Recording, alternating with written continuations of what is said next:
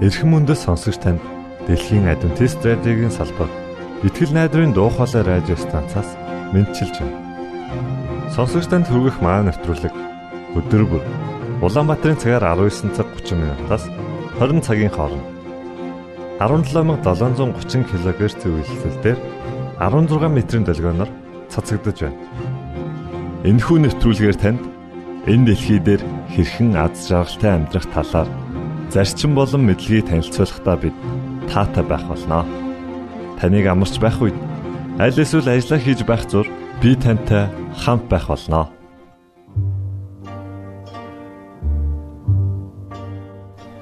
Энэ удаагийн нэвтрүүлгээ бид Silent Night хэмээх дуугаар эхлүүлж байна. Харин үүний дараа X үзлэл нэвтрүүлгийн цуврал дугаарыг хүлээн авч сонсноо. Ингээд хөгжмөдөө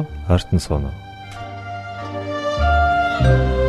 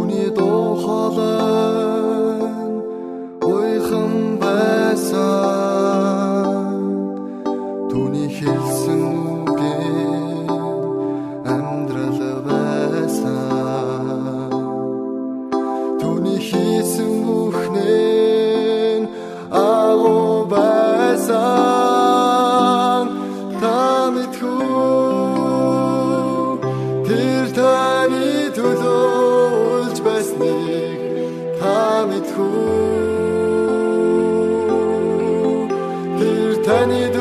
сууна. шаналсан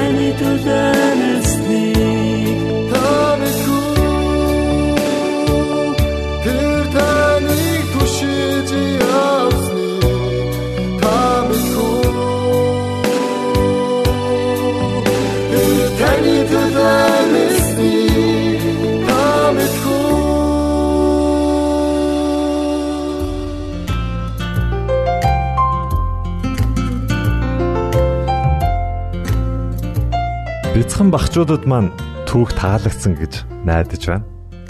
Ингээд та дараагийн нэвтрүүлгээ хүлээн авч сонсноо.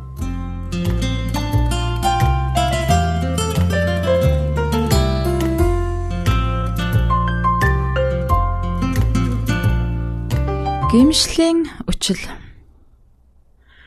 Өөрт байгаа минь буруутгал өөлж хэлэх алдаа дутагдлууд Ядарч цөхөрсөн хоосон зүрх яг үнэндээ юу ч алгаа миний дотор гадна.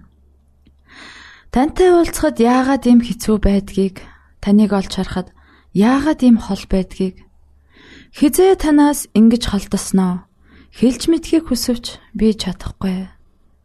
Хариулаач гэж танаас асууж бас зөрөглөхгүй. Тэрнээс цааш санахгүй аймаар Твчиж чадаагүй бараан, хар, улаан, цагаан буруутгал тэнд ч энд ч зуралдсан энхэн нэгэнтэй. Ачаа маань даанч хүнд болжээ. Аваачтэй гэж танд бас гомдолсон. Тэврүүлж байсан би таны хайранд дун чалан удаа. Тэгээд бүр үүрүүлж байсан таны нуруунд өдөр бүрэл Амтгүй байна гэж амьдралаа танаар бас амтлуулсан. Тэгээд хатуу байна гэж замаа хүртэл зөөллүүлж байсан танаар. Бэрх байна гэж буулгаа хүртэл танд өгсөн өгсөн буцаад ирэхэд байж байгаа ч гэд бурхан таныг би энд хүлээлгсэн. Хэрэг бурхан таны төвчээрт хязгаар гэж байдаг бол хязгаарт тань хүртэл таны гомдоосноо би мэднэ. Буцаж хизээч байгаагүй таны хайр Хувиршгүй би бас мэдсэн. Буцаад намайг ирэхэд та хүлээлгсэн газараа байж л байсан. Ивэл гэж яг үнэндээ танд эргэн олдохыг олж харлаа. Ирээдүгэ гэж таны дотор дахин дахин хорогдохыг найдаж харлаа. Инрэл гэж таны өршөөлд дахин дахин багтахыг зүрх мэдэрлээ.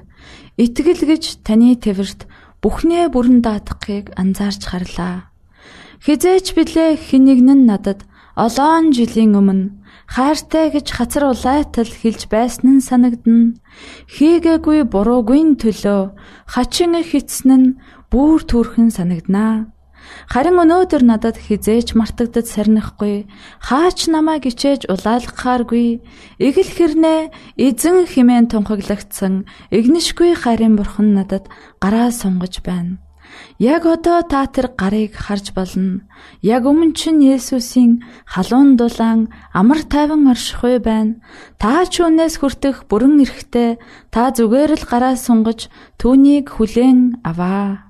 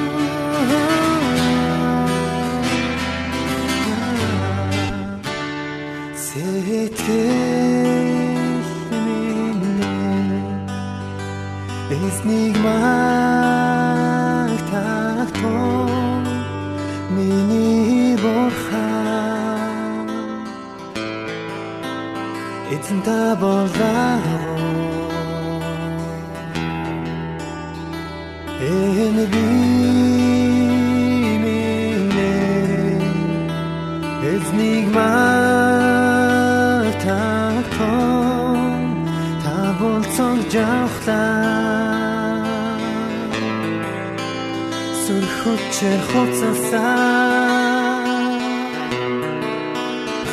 Сэрүм бэ хатмэ Танаттай хамт байдаг тоо Сэкэлмэн таны Үнгийн шүнөрч махтан дулнаа залдангийн дундаарч магтна. Сэтгэлминэ Эцнийг магтахтон Миний борхан Эцэн та болдагоо энэ би минь эзнийг магтахтон та болцог жавхлаа. Сүрхүчээр хоцолсан Сэрүүн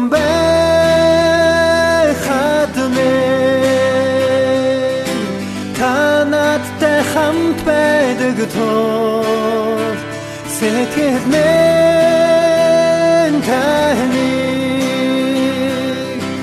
Үнэн шинөрч магтан дурнаа Ойтхар зовдонгийн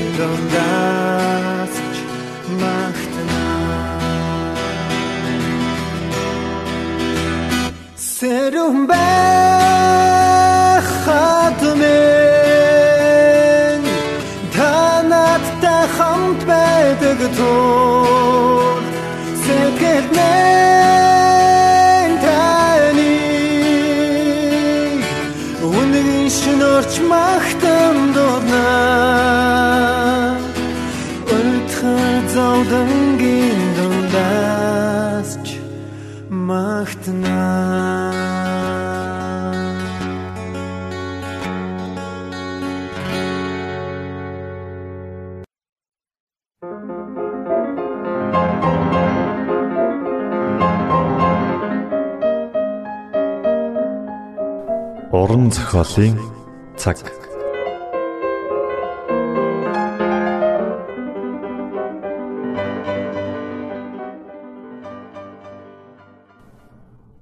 Есүс энэ дэлхийд ирсэн нь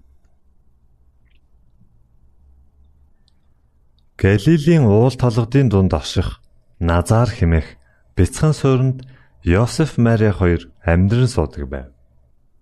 Тэд Есүсийн дэлхийд ирэх эцэг эх нь болох болно. Йосеф бол Давид хааны удам. Тэр цагт Ромчууд ард иргэдээс татвар авах тушаал гаргахад Давидын хот болох Бэтлехэм рүү татвараа төлөхөөр Йосеф явах болжээ. Тэр цагт нааш цааш аялна гэдэг амар хэлбэр байсангүй. Мария нөхөртөөгөө Бэтлехэм явах Барта төгсүр замаар явсаар ихэд ядарчээ. Хөөхий бүсгүй тухтай сайхан амрах газар хүрсэн гэж хичнээн хүсэж байсан бол харамсалтай нь оцсон газарт нь дэм буудлууд хэдийнэ дүүрсэн байлаа. Баян эрх мэдэлтэй нэгэнд тогтой сайхан газар олдож байхад хөөхий энхүү даруухан аялагчд малын сарвчанд хоноглохоос өөр аргагүй боллоо.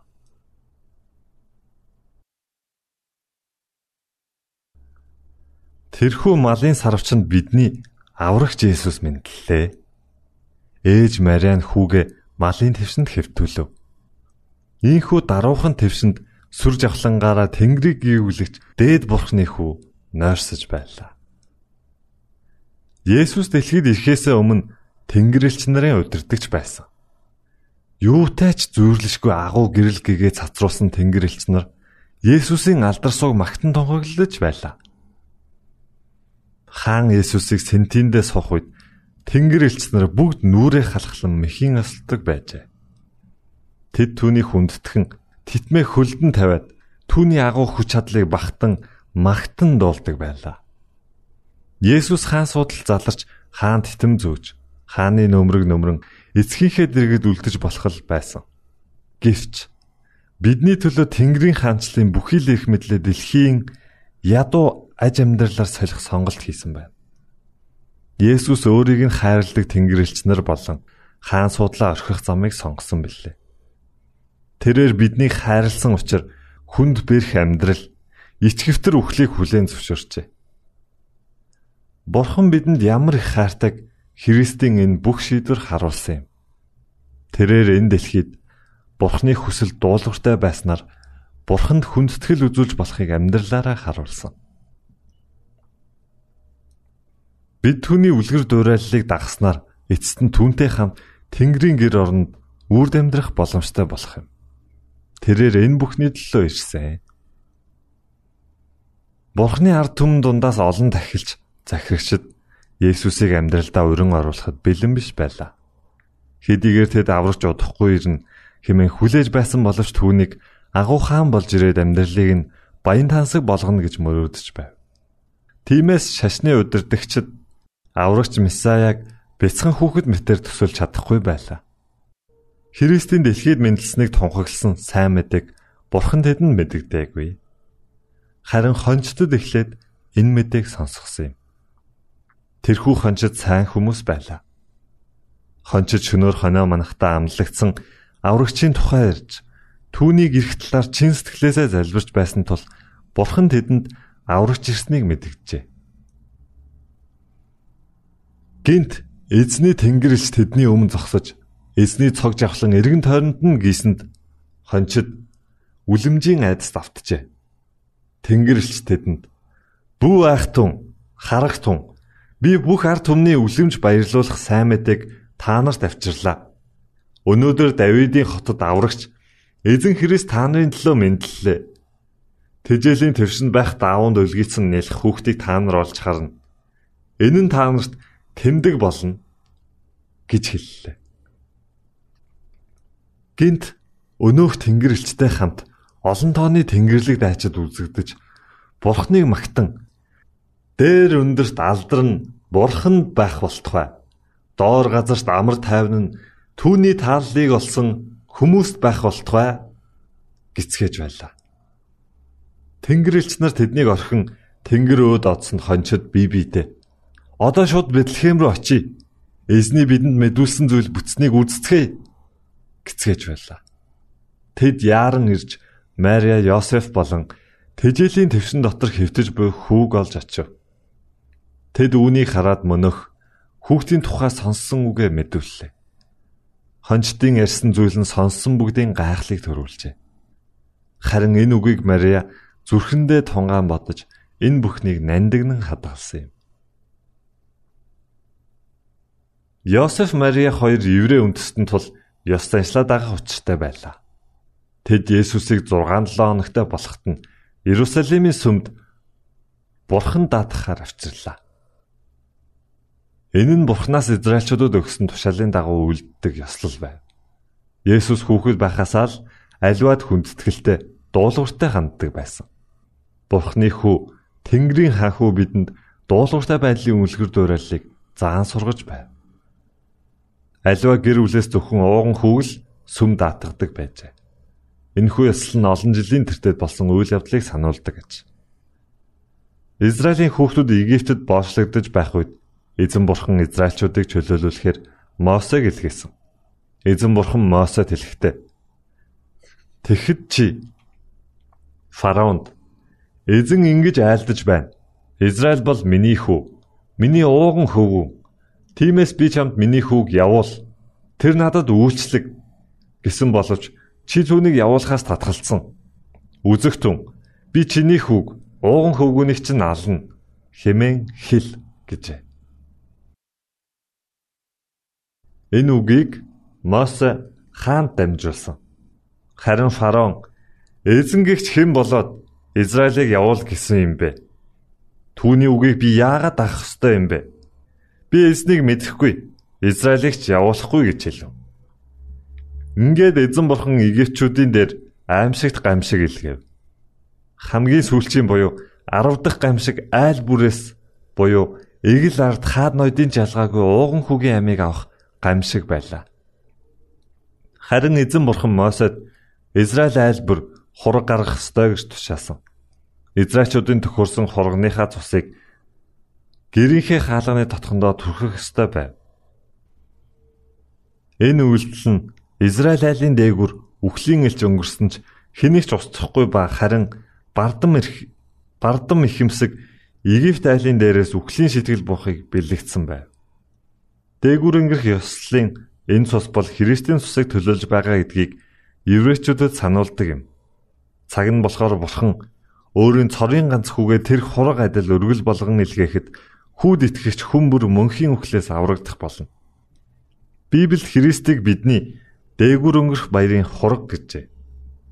Итгэлээр бид түүний цусаар аврагдана.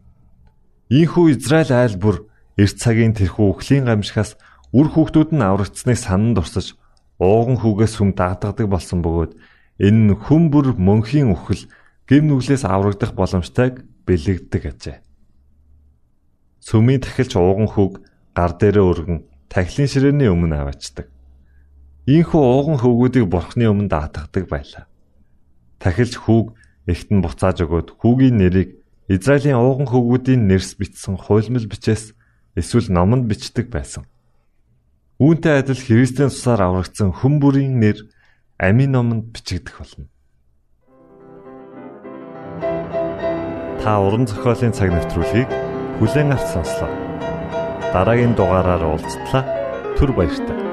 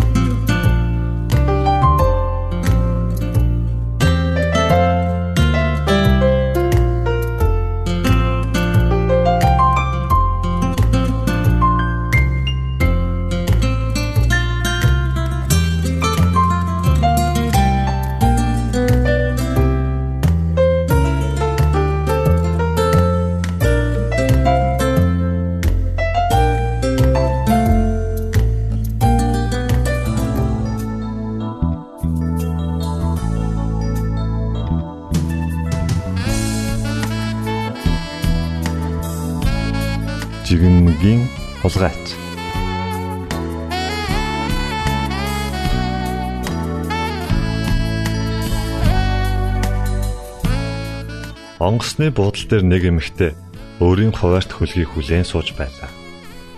Онгоц нисэх хүртэл нилээд урт хугацаа байв. Тимээс онгоцны буудлын дэлгүүрээс нэг жигнэмэг, нэг ном худалдан авчээ. Ингээд өөртөө нэг судал олж авч суугаад номоо шимтэн уншихын зэрэгцээ хаяа нэг гараа сунган жигнэгээ нэг нэгээр нь авч идэж байлаа.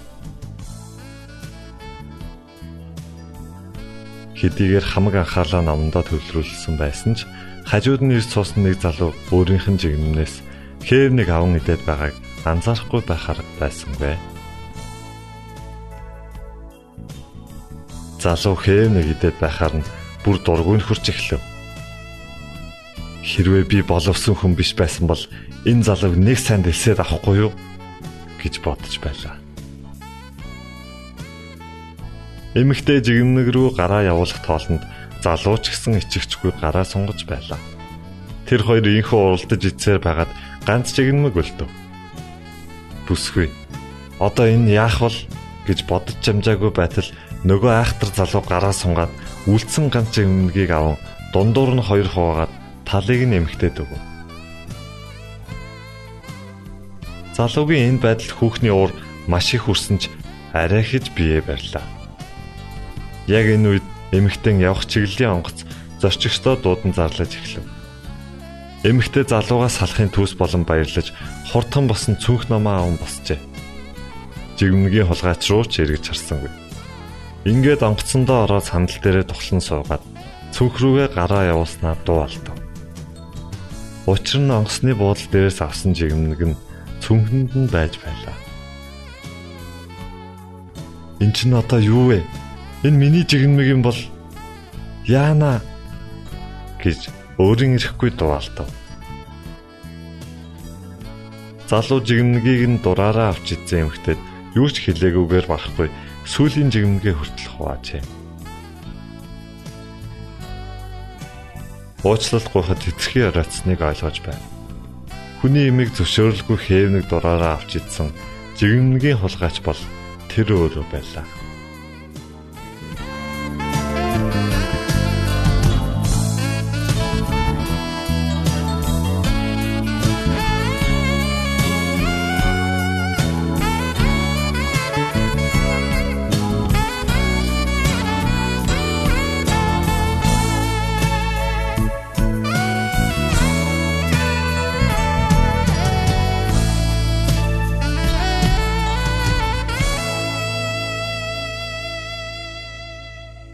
Итгэл найдрын дуу хоолой радио станцаас бэлтгэн хөрөгдөг нэвтрүүлгээ танд хүргэлээ. Хэрв та энэ өдрийн нэвтрүүлгийг сонсож амжаагүй аль эсвэл дахин сонсохыг хүсвэл бидэнтэй дараах хаягаар холбогдорой. Facebook хаяг: Латин үсгээр Монгол заавад AWR Имэйл хаяг: mongol.awr @gmail.com Манай утасны дугаар 976 7018 24 9 Шуудангийн хаяцаг 16 Улаанбаатар 13 Монгол улс Биднийг сонгон цаг зав аваад зориулсан танд баярлалаа. Бурхан таныг бивээх болтугай.